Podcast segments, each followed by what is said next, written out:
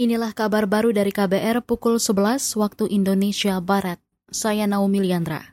Wakil Presiden Maruf Amin menginstruksikan Panglima TNI dan Kapolri memperkuat strategi keamanan yang komprehensif untuk Papua. Kemarin, Maruf memimpin rapat soal situasi Papua di Istana Wakil Presiden Jakarta.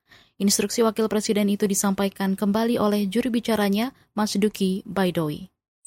Enggak, soft approach saya kira tidak tidak tidak, tidak dihilangkan tetap tetap jalan seperti itu. Kesejahteraan tetap jalan semuanya. Jadi ini ada istilahnya penebalan-penebalan terhadap apa yang selama ini sudah berjalan. Lebih pada itu. Juru bicara Wakil Presiden Mas Duki Baidlowi menambahkan dalam rapat soal situasi Papua, Maruf Amin juga meminta agar koordinasi penanganan keamanan ditingkatkan.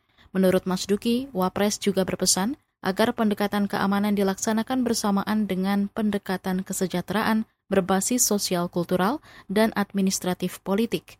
Semua itu untuk menangani akar persoalan dan isu-isu strategis di tanah Papua. Saudara, lebih dari 2 juta kendaraan melintas jalan tol Trans Sumatera sejak H-7 Lebaran atau Sabtu hingga H plus 3 atau Selasa lalu. Jumlah ini meningkat 38 persen jika dibandingkan dengan volume lalu lintas normal. Menurut juru bicara Jalan Tol Hutama Karya Dwi Aryono Bayu Aji, Selama arus balik didapati lonjakan lalu lintas yang cukup tinggi. Contohnya pada H plus 3 atau selasa lalu, terdapat sebanyak total hampir 19.000 kendaraan yang keluar dari Sumatera melalui ruas Bakauheni Terbangi Besar. Jumlah ini meningkat hampir 30 persen jika dibandingkan dengan volume lalu lintas normal. Dwi menghimbau pemudik untuk mematuhi ketentuan dan tata tertib yang berlaku di jalan tol termasuk berkendara di kecepatan maksimal 80 km per jam, memastikan saldo kartu uang elektronik cukup, dan mengecek kondisi kendaraan sebelum mengemudi. Badan SAR Nasional Basarnas melarang wisatawan untuk mandi dan berenang di pantai selatan Kebumen, Jawa Tengah. Larangan dikeluarkan pasca insiden hilangnya tiga wisatawan akibat terseret ombak besar. Hingga kini tiga korban masih belum ditemukan. Kepala Basarnas Cilacap Ada Sudarsa mengatakan patroli keamanan semakin ditingkatkan supaya wisatawan tidak masuk ke area pantai yang berbahaya.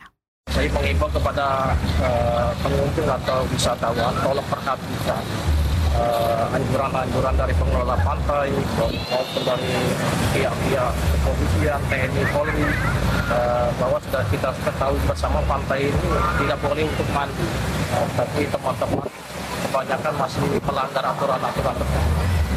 Dan kedua, apabila kita akan bermain di air, alangkah baiknya kita uh, menggunakan alat pelindung yang aman. Itu tadi Kepala Basarnas Cilacap, Jawa Tengah, Ada Sudarsa. Sebelumnya tiga wisatawan terseret ombak dan tenggelam di tiga lokasi berbeda, yaitu Pantai Setro Jenar, Lembu Purwo, dan Pantai Meliwis, Kebumen. Tim SAR gabungan akan terus melakukan pencarian para korban hingga akhir pekan ini. Pekan ini ombak di pantai selatan Kebumen terkadang bisa mencapai setinggi 4 meter. Saudara, demikian kabar baru dari KBR. Saya Naomi Liandra undur diri.